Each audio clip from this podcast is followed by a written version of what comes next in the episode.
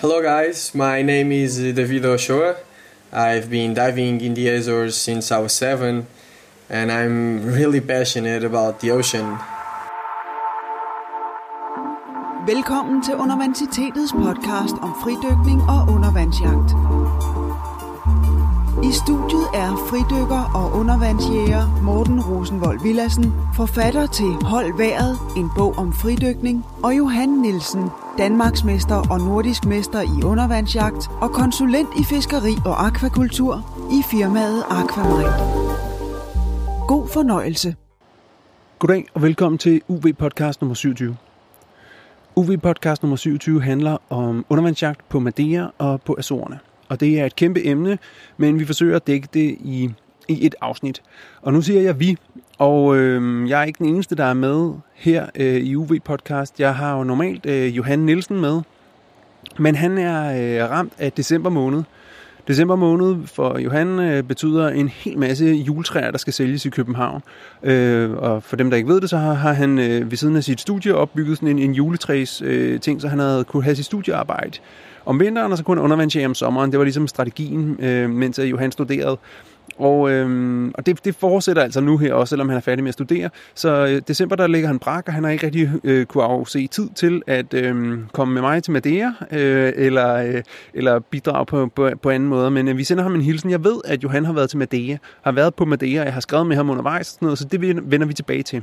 Udover det, så har jeg øh, fået øh, nogle andre til at komme med noget input, fordi jeg har jo selvfølgelig ikke været alle steder på Azorerne og på Madeira og prøvet alting, men det er der nogle andre, der har. Så derfor har jeg øh, fået Mads, som har været på en ø, der hedder Flores på Azorerne, til at øh, komme med en lydbid om hans tur, og så har jeg fået en lokal øh, undervandsjagt-guru, øh, David, øh, til, jeg ham hørte i starten, og han øh, kommer også til at forklare lidt omkring Azorerne, og hvad der er specielt ved det, og hvilke tider på året man skal tage der til og sådan nogle ting. Så det bliver rigtig spændende.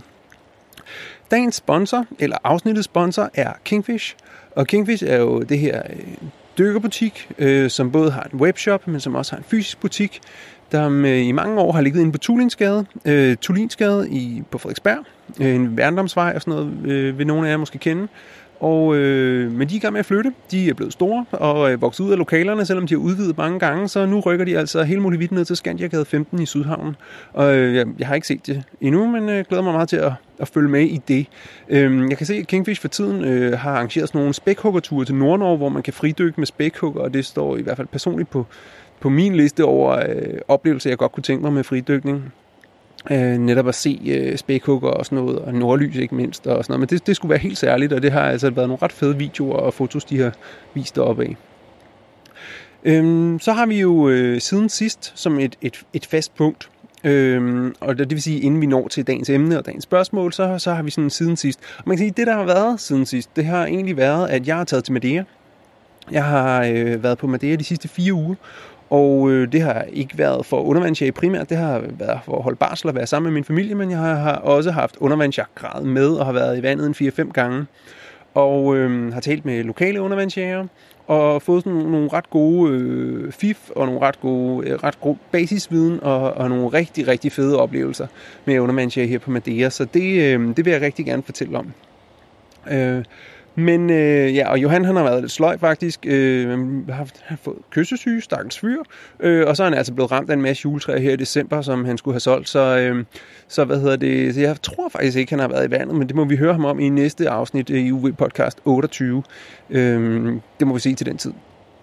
Nå, vi har dagens spørgsmål, og dagens spørgsmål er stillet af Mads Forslund Andersen, og den er stillet ind i den VIP øh, supportgruppe, som vi har til UV Podcast.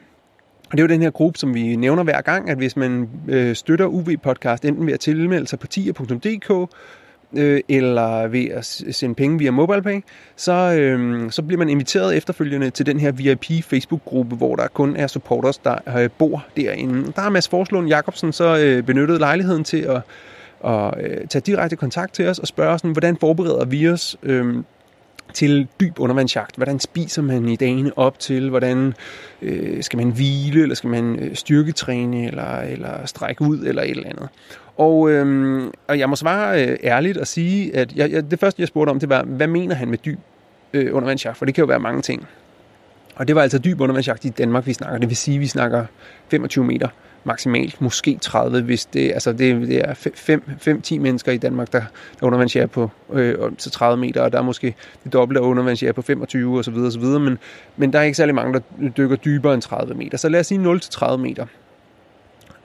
Øhm, og ja, når sandheden skal frem, så forbereder jeg mig faktisk ikke til det.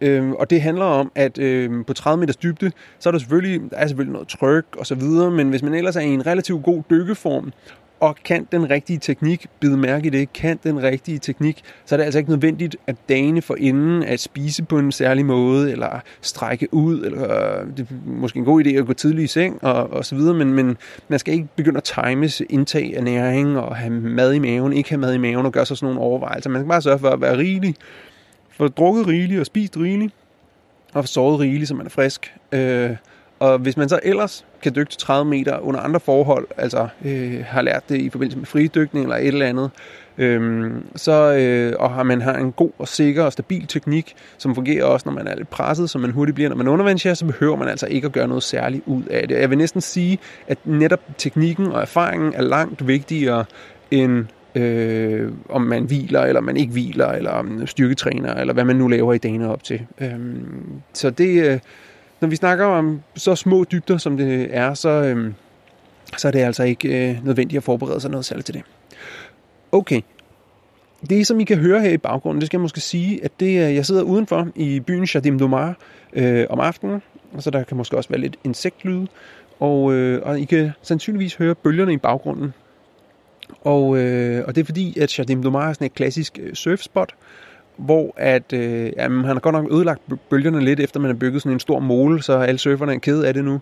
Men, men tidligere var det virkelig et klassisk surfspot på Madeira, og det er altså stadig et sted, hvor at, øh, bølgerne er rigtig store, men, men det er bare ikke lige så godt til at surfe, som øh, det var tidligere. Men der er altså store bølger, det er dem, I kan høre i baggrunden. De er sådan en, en 50-60 meter under mig, og øh, jeg er lidt over herover til højre, ned ad en stejl trappe.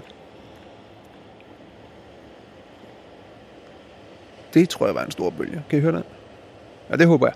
Anyway, så er det altså derfor, at, at det lyder sådan, som det er. Det kan også godt være, at der går nogle mennesker forbi øh, bag mig på et tidspunkt. Jeg sidder her på en trappe, men der bor nærmest ikke nogen mennesker. Anyway, jeg sidder i Shademdumar på Madeira, har været her i fire uger. Og øh, hvor ligger Madeira? Madeira, det ligger øh, ud for Marokko øh, i Atlanterhavet. Så øh, det ligger altså syd for Europa, så at sige, og det... Øh, det, altså, det er lidt i nærheden af Kanarieøerne, øh, men Kanarieøerne ligger længere syd. Så, så altså ikke helt lige så øh, ørkenklima, som der er på øh, Kanarieøerne, som vi jo snakkede om i UV-podcast nummer 19. Der er lidt mere regnvejr og øh, altså hvede, og det er ikke fordi, der er, det regner helt vildt overhovedet, men der er en lille smule, det er ikke ørken her, der kan vokse ting. Altså, ja, der er grønt, der ligger det berømt for blomster og mildt vejr. Og så er det også sådan en ry for at være sådan en pensionistø, hvor rigtig mange pensionister tager til, fordi de kan vandre her, men der er en masse vandreruter, der går flat. Altså der er ingen, hvad der er ingen trin overhovedet, fordi man følger en vandvej. Nå, men det er en anden historie. Men det er lidt om øh, sådan Madeira. Og Madeira har nogle øer omkring sig, øh, men de er ikke så interessante. Altså Porto Santo er en lille bitte ø ved siden af, men der er en masse sand og strand, og hvis man gerne vil have sand og strand, så er det fint. Men hvis man gerne vil have undervandsjagt, så er det klipper, og så er det Madeira, man skal, man skal være på.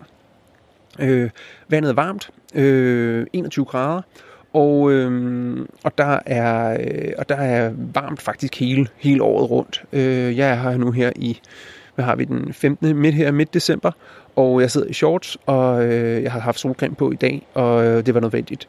Og klokken er altså en halv 10 om aftenen.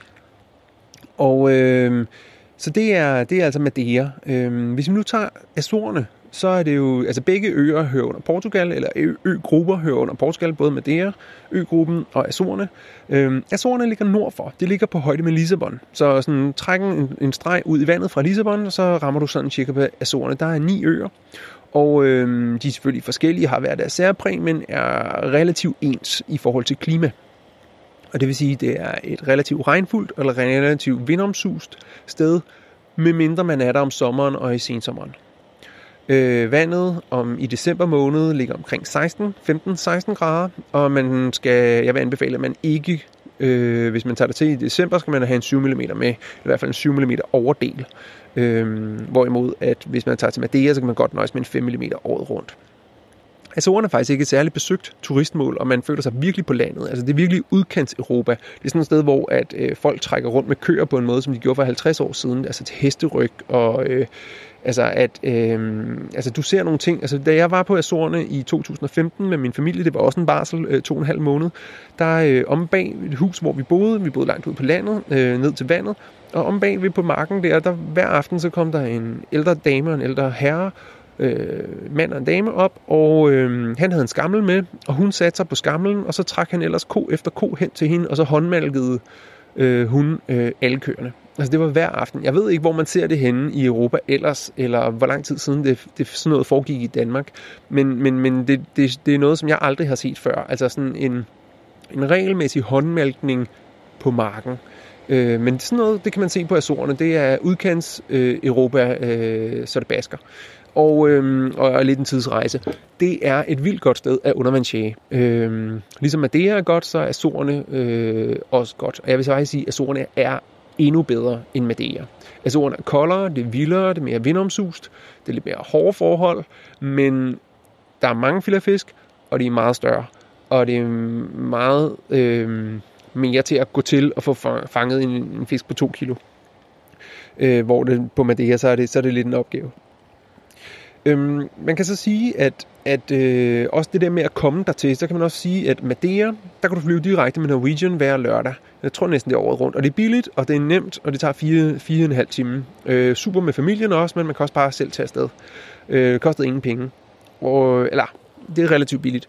Azorerne er lidt mere bøvlet. Hvis man tager til hovedøen øh, São Miguel, så er det OK, der er direkte fly, og det er der muligvis også til et par andre af, af de større øer, men skal du ud på nogle af de mindre øer, som er mere attraktive i forhold til undervandsjagt og natur osv., så, så skal du øh, have flere øh, over Lissabon eller et eller andet. Så det, der, øh, det er også lidt dyrere, og øh, det er lidt mere bøvlet i det hele taget.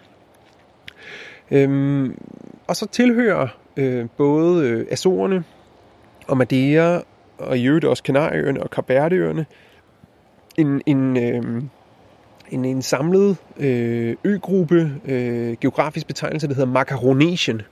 Og, øh, og det vil sige, altså, at både Kap Verde, Kanarieøerne, øh, Madeira og Azorerne har fællestræk, altså naturlige ting. Altså der er nogle, der er nogle træer, der kun findes der, der er nogle fisk, der kun findes i de her områder.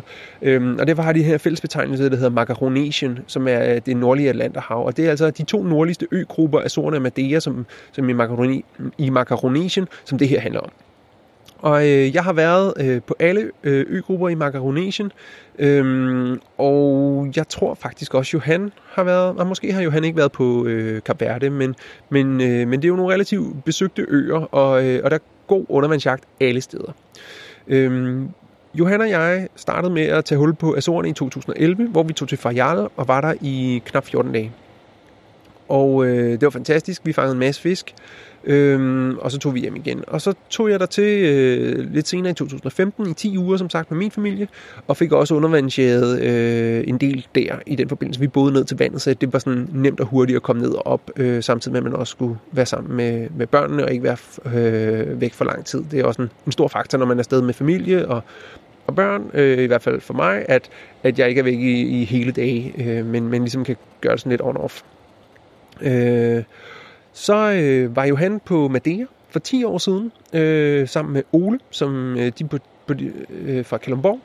Og, øh, og de fangede nogle fisk, og, øh, og så øh, og Johan har så også været på, på Azorerne i 2011 sammen med mig. Så det, det er ligesom den øh, baggrund, vi har for øh, at, at snakke om øh, Azorerne og Madeira, og, og det er den viden, altså jeg har jo snakket med Johan mange gange om Madeira og Azorerne, så, øh, så det er ligesom den viden, øh, som bliver præsenteret her i, i podcasten.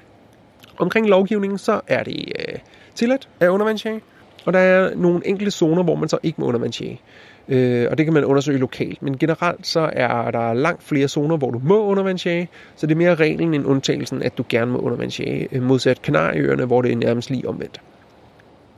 Det er relativt nemt at få en licens, og det er billigt. Øh, det er ikke noget med, ligesom på Kanarieøerne, at du skal have en lægeerklæring og sådan noget. Det er, du kan bare gå ned på havnekontoret, øh, hvor at du så køber licensen. Øh, på Madeira, så koster det 5 euro for en måned, og du skal huske dit pas, når du gør det. Øhm, og det er sådan lidt et lille luset sted, et lille skur på en havn, og man skal spørge den lokale betjent og køre lidt rundt og sådan noget for at finde det. Øh, man kan sige, på Madeira, så hvis, mindre det er flyttet, så, så ligger det ved siden af Cristiano Ronaldo-museet. Og det er et museum, der, der ligger på havnen med en stor statue af Cristiano Ronaldo, fodboldspilleren. Og øh, der er sådan en sliske ned lige ved siden af, og, øh, og der går man altså ned i sådan en lille bur og, øh, og får, får en... Øh, en licens for 5 euro ind i hovedstaden Funchal. Hola. Hvorfor sagde du hola? Hola, men det er, jeg skal købe en uh, licens til... Uh, Bom dia. Uh, compraram uma licencia para pescar submarina? Submarina. Sim. 5 euros 5 euros. Sim. Por um mês? por um mês. Que, que é um ano? Um ano são 15. São 15, não? Isto é um mês. Hum, um mês. Aqui sim. Obrigada. Boa Obrigado. pesca. Hum, obrigado. Ja, nu vil, nu vil vi købe den. Så skal man vide, at der er nogle arter, der er forbudt at fange, og det er mero, som er den store grouper, som man også kender fra Middelhavet, en orange, stor flot fisk. Øhm, der er ikke så mange af dem her på Madeira, og de er altså også forbudt at fange med undervandsjagt. Der er en anden grouper, der hedder Badejo, øh, på lokalt, vi kalder den for Island Grouper. Den bliver ikke helt så stor. Øh, jeg tror, verdensrekorden er under 10 kilo, men 8-9 kilo eller sådan noget. Øhm, og, den, øhm, og den skal være over 2 kilo. Og det samme gælder hogfish, eller orange vild svinefisk, Bodianus scrofa, som også skal være over 2 kilo. Øh, og både øh, hogfish og badejo er, øh, hvad skal man sige, lokalt endemiske for øh, Macaronesien, altså det vil sige Azorerne og, og, og Madeira og de andre øh, øgrupper. Så er der lidt omkring øh, årstiden. Øh, og der, der vil jeg faktisk, i forhold til årstiden på Azorerne, så har jeg fået David øh, Ochoa, tror jeg han hedder, til at fortælle lidt omkring øh, årstiderne på Azorerne. Så, øh, så jeg har øh, bedt ham om at, at, at bidrage til UV-podcast, så jeg vil faktisk gerne give ordet til David Ochoa. Hello, guys. My name is David Ochoa. I've been diving in the Azores since I was seven, and I'm really passionate about the ocean. I love spearfishing, that's why I became a spearfishing guide. Uh, but I also love filming. Uh, I directed a documentary about the Azores, which is called Inhale. Um, that had a, a pretty good hype on the spearfishing community, and that's really what got me started. I started having people from all over the world just wanted to dive with me on those places I was filming. So yeah, I, I relate a lot to spearfishing with filming and photography, and I think it's a really good way to showcase our sport, our lifestyle. The Azores are an amazing place for uh, all outdoor activities, really. It's a great place if you like to do trekking, the landscape. It's amazing. You have cliffs, you have uh, fajans, you have waterfalls, lakes. Um, there's some of the best waves in the world too, uh, very consistent. Uh, you can go fishing for rainbow trouts in the waterfalls. You can go canoeing, you can go kayaking, and of course, you can go diving and spearfishing. That's what makes me go there so many times.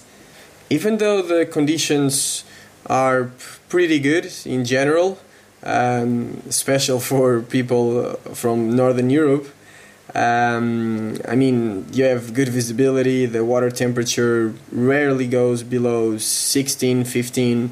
Um, you will always get at least 10 meters visibility, and yeah, I mean, there's a lot of life, uh, especially to small to medium sized fish.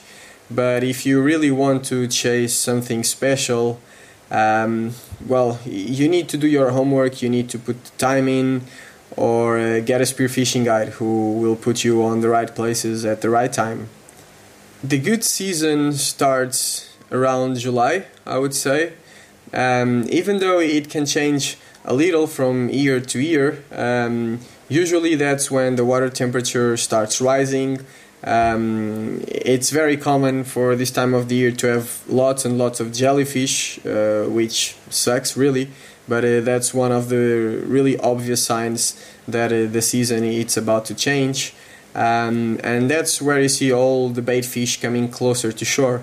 Uh, it's very common to see the Cory's shearwater, uh, a local bird that we call cagarche, um, chasing sardines and mackerel, and of course that all those fish will come, the bigger fish like barracudas, tunas, uh, bluefish. It's very common to see big schools of bluefish this time of the year, and then the big amberjacks come too. This time of the year can be a bit challenging because um, you can still get some big uh, thermoclines, and um, which is colder waters in the bottom, um, and a lot of the times it's hard to find fish.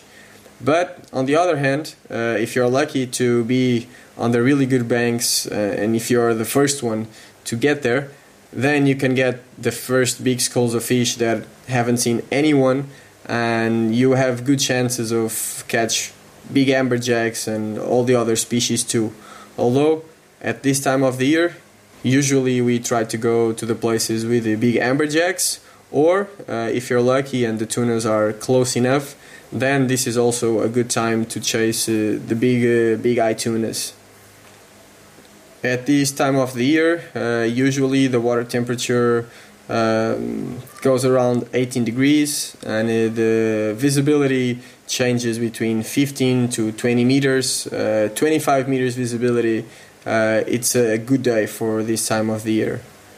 Then, as um, the season goes further, uh, as you get closer to September, uh, then the water temperature starts rising really. Uh, this is when you get the water temperature that can go all the way up to uh, 25 uh, Celsius degrees. Um, this is also when you can get those days with 30 meters visibility. And for me, this is the best time of the year to chase big fish like wahoos, uh, billfish, yellowfin tunas, and other fish like that. Um, even the other smaller sized fish like uh, trevallies, bluefish, barracudas, uh, this is a really good time of the year to chase them. Um, the only inconvenience is the weather. Um, it can be a bit tricky, and even though you're in an island, which means that you can always go to a sheltered place if you know where to go. Um, sometimes there are some big storms, and uh, for example, if you're going on a week uh, kind of trip, uh, sometimes it can uh, mess up a, a bit your stay there.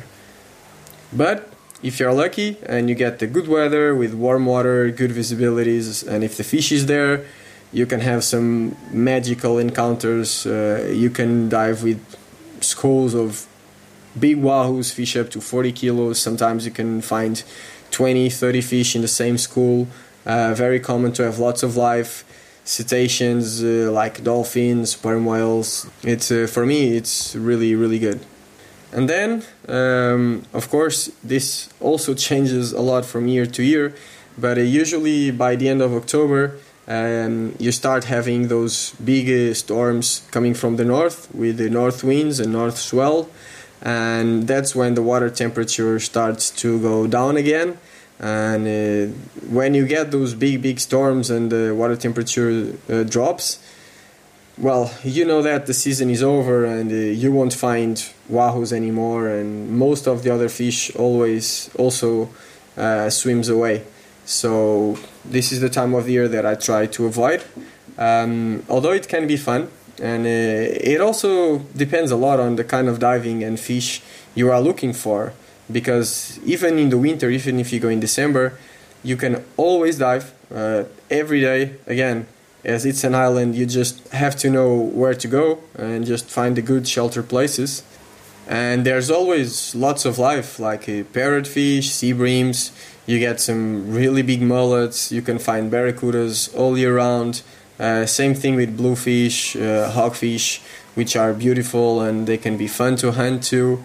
So I really think um, you got to figure out what kind of fish and what kind of diving you want to do and then you can adjust it and make sure that you go to the right season for it.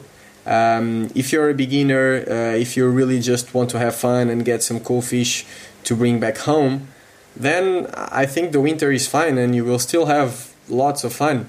Um, if you're looking to have a, a bigger fish, a trophy fish, then um, have in mind that the Azores it's a challenging place. It's not one of those places where you just get there and get big fish all the time.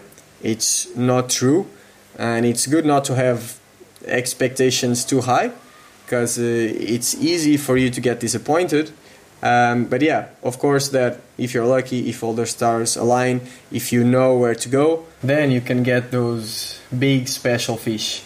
And then, just to finish this little topic about the Azores, um, I would like to tell you just to respect the local people, respect the catch limits. Uh, 10 fish is more than enough. I rarely, rarely get even half of that. Um, get informed, uh, make sure that you know which species are forbidden and protected and which ones you can take it, and just uh, have fun. Ja, så er jeg tilbage igen her i Shadim Dumar.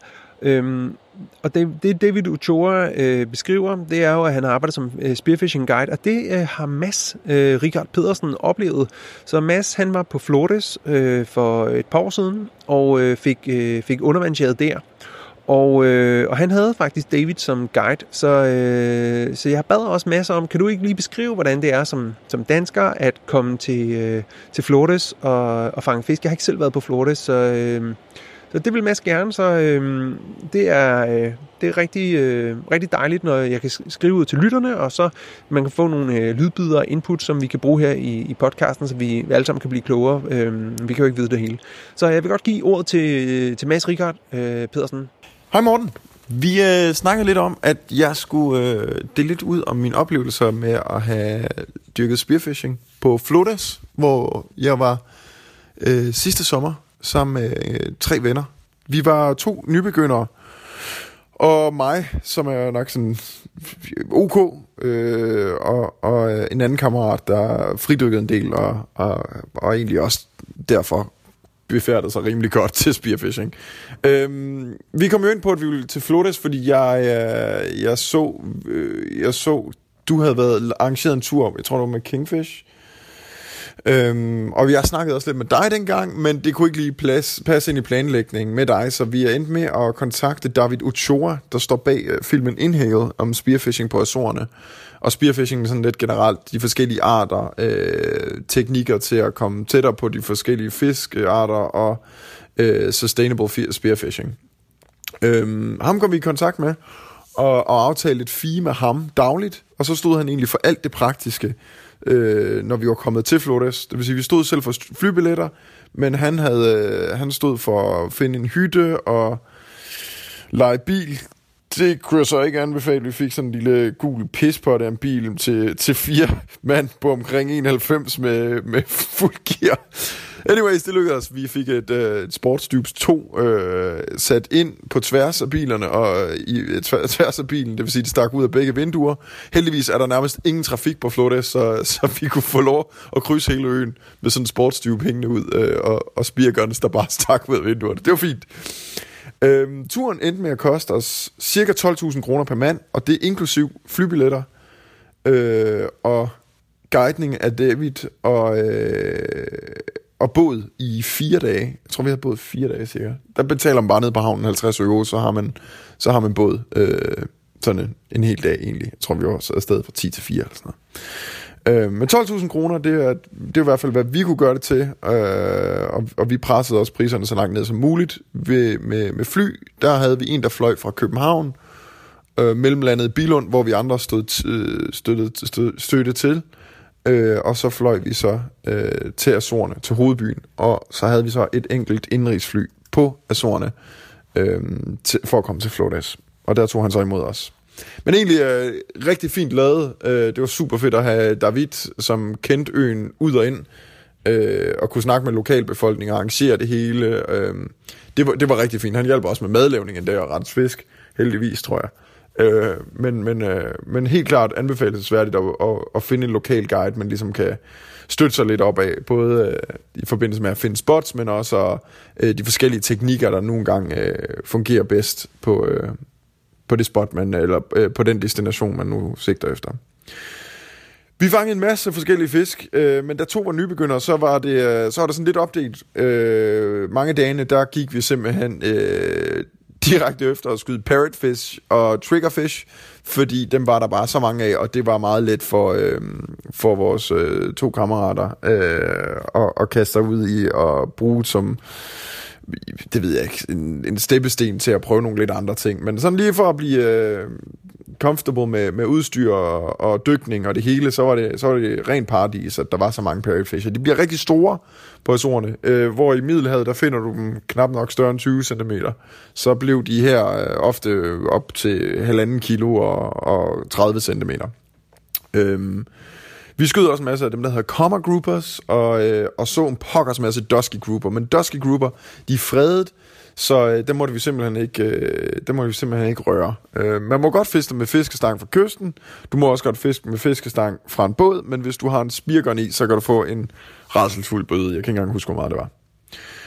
Vi var øh, som sagt ude øh, fire dage med, med båd, øh, og der så vi øh, en masse AJ's, en masse barracudaer, White Trevally, øh, store snapper så vi ikke nogen af, selvom vi øh, dyrkede en del chumming, men øh, de kom bare ikke rigtig op.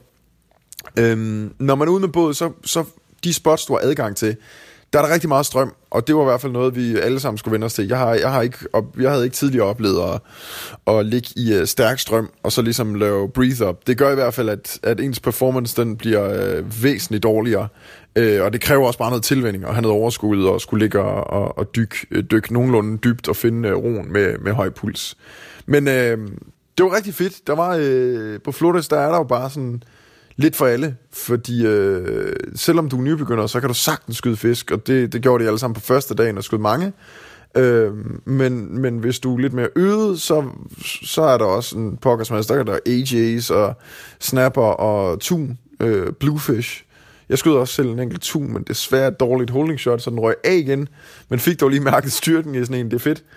Øhm, men der er simpelthen så mange forskellige arter, øh, og det var egentlig også det, vi endte med at, med at bruge vores tid på. Det var at sige, vi skal bare prøve at skyde en hel masse forskellige fisk, og, øh, og smage de forskellige fisk, øh, og så var det egentlig det. Øh, men jeg vil sige, er man nybegynder, eller øh, medium, som, som jeg nok vil kalde mig selv, eller er du ekspert, så er der bare, der er hvad som helst. Det er sådan ren paradis for, øh, for spearfishing at være der. Øhm, og igen så vil jeg anbefale det her med, at, at man tager en, øh, tager en lokal guide, der kan vise en øh, alle de rigtige steder på destinationen. Øh, det, er, det er en stor oplevelse at have en med, og det gør også bare, at man, man får en bedre forståelse for, hvad man skal gøre i de forskellige situationer. Sidst men ikke mindst, så vil jeg også lige nævne, at øh, om søndagen, og jeg ved ikke, hvorfor det er sådan, men lige præcis om søndagen, der har du adgang til at tage øh, øh, nogen, der hedder Lapash, og noget, der hedder Krakash, som er, som er sådan nogle øh, skalddyr, som sidder på stenene rundt omkring. Øhm, vi samlede en kur fuld af dem og, og fik dem spist, og det var rigtig specielt, fordi de der krakas, dem havde i hvert fald, jeg har aldrig smagt det før, jeg har aldrig smagt det der labas før, men det var enormt skægt at prøve øh, skalddyr, som du så måtte øh, få fra et andet sted. Men det er altså kun om søndagen, man må det, øh, uansagelige årsager. Søndag og hellige dage må man feste. dem. Men øh, ja, sådan er det vel. Det var egentlig alt, jeg havde om øh, Flores. Øh, jeg håber, at øh, du bruger det til noget. Ja, tak til Mads. Hvis vi skal over til, sådan, til hvad er det for noget undervandsjagt, man dyrker på Azorerne og Madeira, hvilke fisk kan man fange, og dybder og teknikker og sådan noget. Så hvis vi starter med, hvilke fisk kan man fange, så starter vi ved kysten, du går i vandet.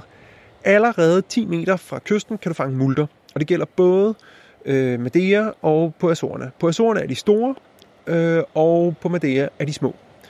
Og øh, når vi snakker store multer på Azorerne, så er det dem, man kan fange om sommeren i, i Danmark. Altså den der størrelse 2-4, måske endda 5 kilo. Og, øh, og dem, man ser på Madeira, det er fra 500 gram til 1,5 kilo. I hvert fald det, som jeg har oplevet. Og øh, dem kan du fange inde i, i bølgezonen, altså relativt tæt på land. Og det er altså ganske få meters dybde. Det er en bedste teknik er, hvis der er en, en, en stenstrand med ikke så meget, øh, ikke så meget brænding, og øh, man kan dykke ned på en 2 meters dybde og ligge stille og vente på, at multerne kommer forbi, så at sige. Og det kan man også gøre, hvis det, man dykker på øh, moler. Øh, man skal lige være opmærksom på, at man skal holde øh, 300 meters afstand til havneindsejlinger. Men det respekteres ikke, så at sige. Altså, man skal bare vide, at det, sådan, det rent faktisk er. Men hvis der ikke er nogen både, hvis der ikke er så meget trafik, hvis man ikke ligger i vejen og sådan noget, så er det en regel, som for så vidt ikke øh, gælder.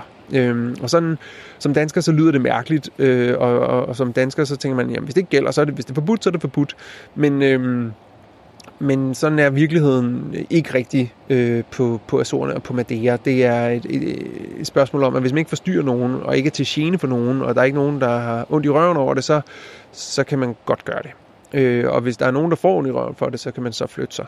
Det gælder ikke med hensyn til at fange de der fisk, man ikke må fange. Altså hvis du først fanger de forkerte fisk, så kan du godt se øh, frem til en rigtig stor bøde. Øh, eller hvis du jæger i et nationalparkområde eller et eller andet. Eller hvis du ikke har styr på din licens eller sådan nogle ting. Så det skal man lige...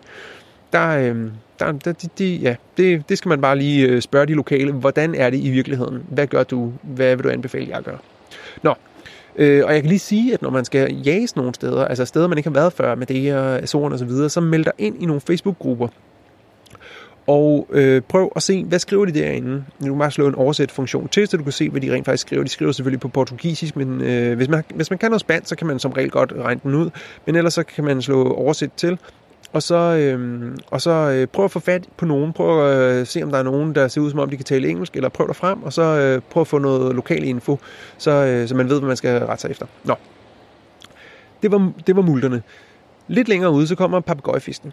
Øh, og papegøjefiskene er der også de er størst på Azorerne, der er flest af dem. Øh, en god spisefisk, flot fisk, øh, men, og ikke, sådan, ikke den store øh, udfordring i virkeligheden at fange. Altså, de, de er sådan nogenlunde til at gå til. De er mest sky på Madeira, synes jeg. Øh, de er ikke lige så sky på Azorerne. Fisketrykket generelt er bare større på Madeira. Øh, så det vil sige, at man behøver ikke kunne jage særligt dybt for at kunne fange fisk på hverken Madeira eller Azorerne. Det er nøj, øh, fint med 5 meter eller 4. Og man kan også øh, være heldig at støde på dem sådan helt på helt lav vand. Øh, I i bølgezonen, så kan man også finde øh, sakos, og man kan også finde øh, bluefish, som er sådan en stor rovfisk. Øh, man kan også finde barracudaer på relativt lav vand, altså øh, 2-3 meter dybt. Og øh, så, så det, er jo, det er jo rigeligt, altså det, det vil de fleste være glade for, og det er altså fisk, man kan finde året rundt. Nu har jeg ikke øh, undervandsjæret i foråret på hverken Azorne eller Madeira, men, men øh, jeg, de, de fortæller, at de er her, den der type fisk er altså året rundt. Altså det, og det kan de fleste danske undervandsjæger få en masse timer øh, sjov undervandsjagt ud af. Nå, hvis man så begynder at gå længere ud, og lave, øh, jeg skal lige sige, at når man ligger på lav vand, så er det som sagt det der med at dykke ned og holde fast, og så bare blive liggende og vente på, at fisken kommer. Det er den bedste teknik. Men øh, når man kommer lidt længere ud, så kan det godt svare sig at bevæge sig lidt mere rundt på bunden, hvis der ikke er vildt mange fisk. Øh, men ellers, når man kommer lidt længere ud, så kan man, ja, man kan gøre to ting. Man kan lægge sig ned på bunden og vente, det er spetto, eller man kan bevæge sig rundt. Og øh, jeg benytter begge, begge dele. Øh, jeg kan bedst lide spetto, det synes jeg øh, det er sådan en behagelig teknik. Nå, men øh, når man ligger derude og venter på bunden, og vi snakker altså nu på 15 meters dybde, eller 10 meters dybde, eller 20 meters dybde, så, øh, så kan der komme alle mulige fisk. Der kan komme amberjacks, en stor, flot rovfisk. Der kan komme øh, bonitus, som jeg, jeg skød ved siden af, eller også nåede min pil simpelthen ikke hen til det bonitus, der kom øh, til mig på Madeira. Jeg havde en perfekt chance, hvis jeg ellers måske havde haft en større harpun.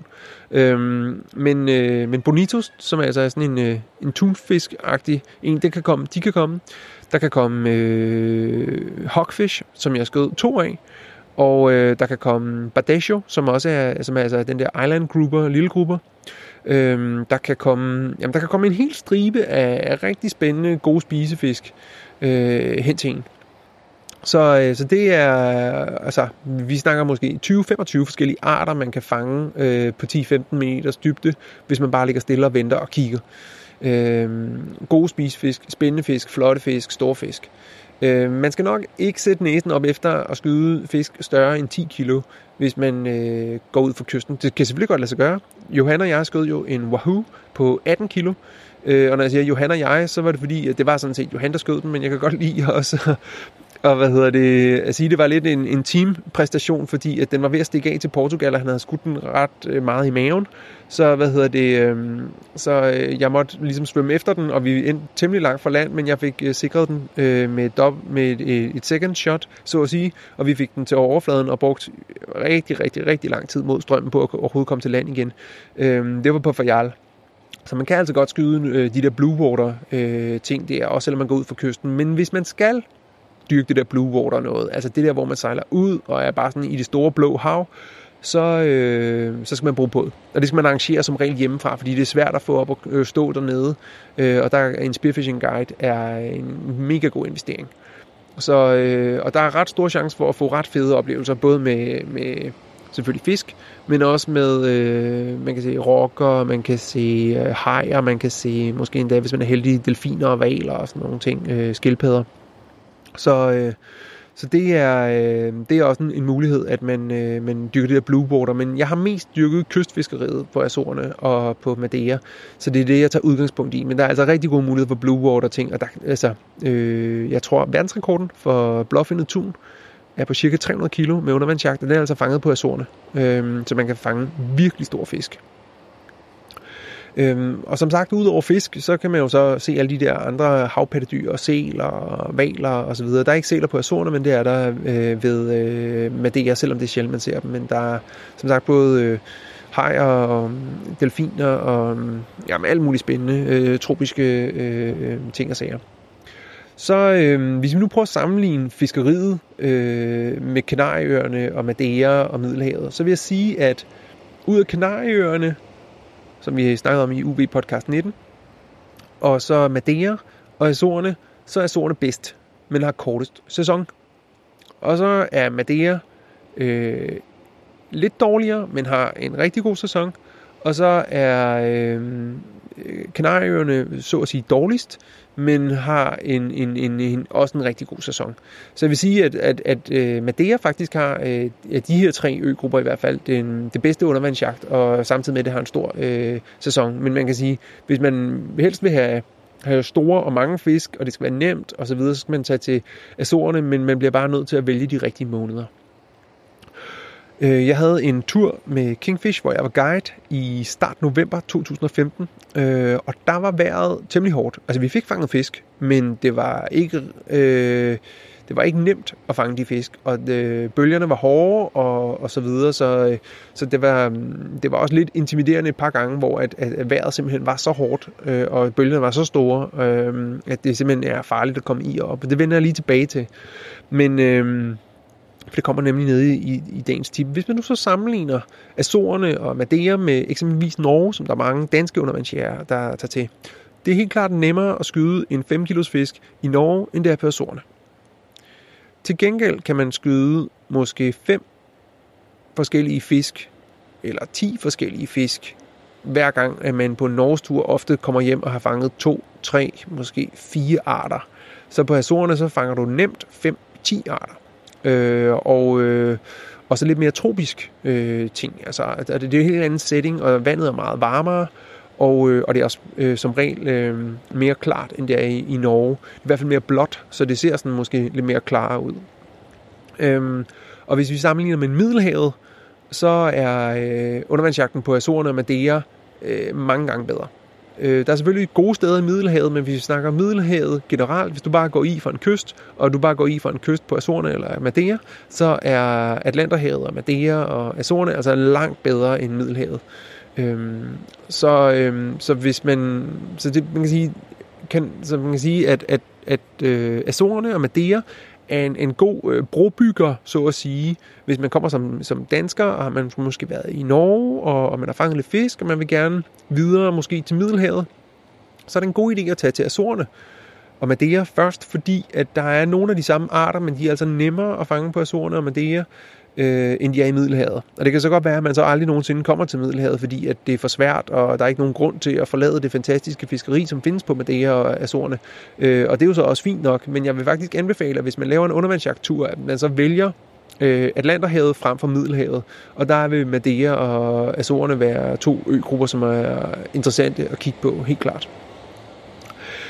Så, øh, så er vi nået til, til dagens tip, og øh, inden vi når til dagens tip, så skal jeg igen nævne øh, afsnittets sponsor, nemlig Kingfish, som nu har sponsoreret her øh, hele øh, sidste halvdel af 2017. Det er vi rigtig glade for, det samarbejde. Det betyder, at vi øh, kan tage os sammen til at udkomme en gang om måneden, og at vi får vores omkostninger dækket, og, og der også skal komme en lille smule smør på brødet. Øh, noget andet, der også giver smør på brødet, det er jo alle dem, som vælger at støtte øh, UV-podcast øh, via det system, som hedder tier.dk, og der skal man bare gå ind på uvpodcast.10er.dk, og så, øh, og så kan man indtaste, hvor meget man vil støtte med per afsnit, altså 15 kroner, 10 kroner, et eller andet.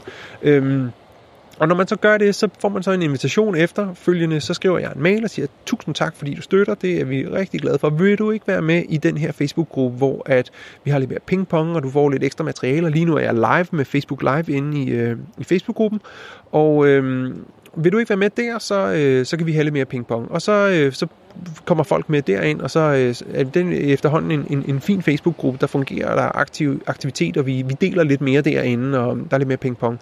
Så det kan man gøre, men man kan også indbetale på MobilePay øh, 27 21 90 43, og det øh, betyder så, at man får en sms tilbage, fordi det øh, så integrerer det bedre med MobilePay, hvor der står tak fordi, at øh, du støtter, og, øh, og så øh, får man også en invitation den vej. Så man kan gøre begge ting, altså uvpodcast.10.dk eller øh, MobilePay 27 21 90 43. Og nu til dagens tip, fordi dagens tip handler om, hvordan man kommer i vandet et sted, hvor der er sten og brænding. Det er jo ikke noget, man kender som dansker. Øh, og i Norge, så, øh, så er det en, en helt anden sag.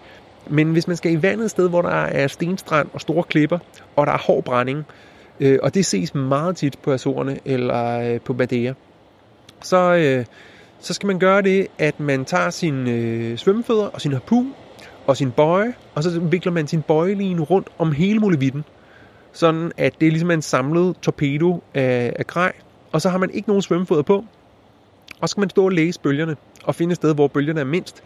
Og så skal man tage en dyb vejrtrækning, og når man så ser et hul, så skal man bare løbe alt, hvad man kan, ud, ud, ud, ud, ud, så længe man kan bunde.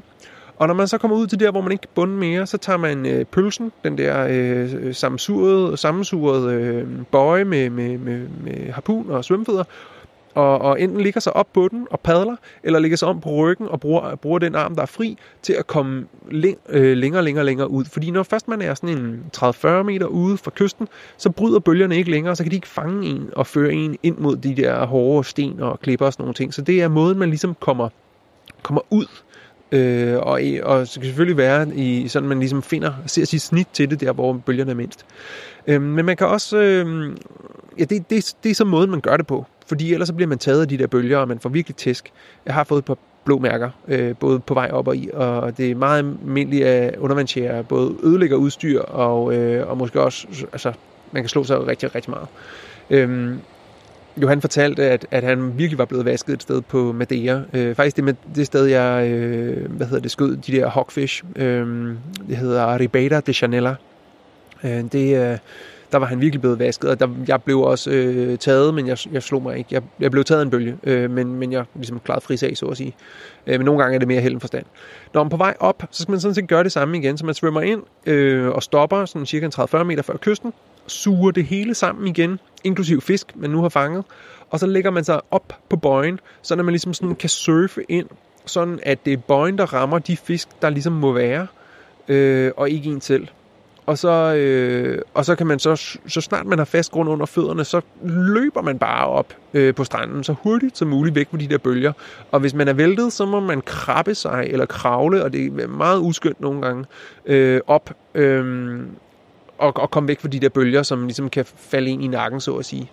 Øhm, det kan være en stor fordel, hvis man er flere, at, der, at, at dem, der står op på land, de hjælper dem, der er på vej ind, sådan at de ligesom kan komme ned og give en hånd, eller lige øh, løfte, eller sørge for, at folk ikke vælter, eller et eller andet. Men det er altså, man skal tage det alvorligt, og man skal prøve at finde nogle steder med moler, eller nogle breakwaters, eller et eller andet, sådan, så man kan komme i, uden at blive vasket op på en klippestrand, fordi det er altså lidt farligt. Men hvis man ikke hvis man bare skal der, der i, hvor der er klippestrand, og der er ikke nogen mulighed for at komme øh, i, der hvor der er beskyttet, så bliver man nødt til at gøre det på den måde. Øh, jeg kan lige lægge et billede med, der viser, hvordan at jeg øh, suger mine ting sammen, inden, jeg, inden jeg går i vandet, og når jeg kommer op igen.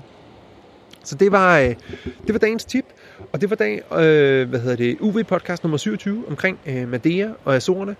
Øhm, og jeg kan jeg kan anbefale, at man går ind på uvpodcast.dk-27, hvor at jeg lægger op med øh, alle de steder, jeg har dykket på Azorerne, øh, og alle de steder, jeg kan anbefale på Azorerne, og alle de steder, jeg kan anbefale at har dykket på Madeira, og der vil også være billeder af de fangster, jeg har gjort. Øh, både Wahoo og både øh, de der hogfish, de der meget super flotte røde hogfish, og alt det andet som øh, der vil også være nogle billeder fra ham David der og der. Så øh, det, det er jo rigtig flotte fisk og nogle rigtig god information, der også ligger på uvpodcast.dk-27. Ellers var det alt for nu. Tak fordi I hørte med. Tak fordi du lyttede til Universitetets podcast. Husk, at du altid kan læse mere om udsendelsen og se fotos på uvpodcast.dk. Her kan du også høre de andre podcasts og læse artikler om fridykning, snorkling og undervandsjagt.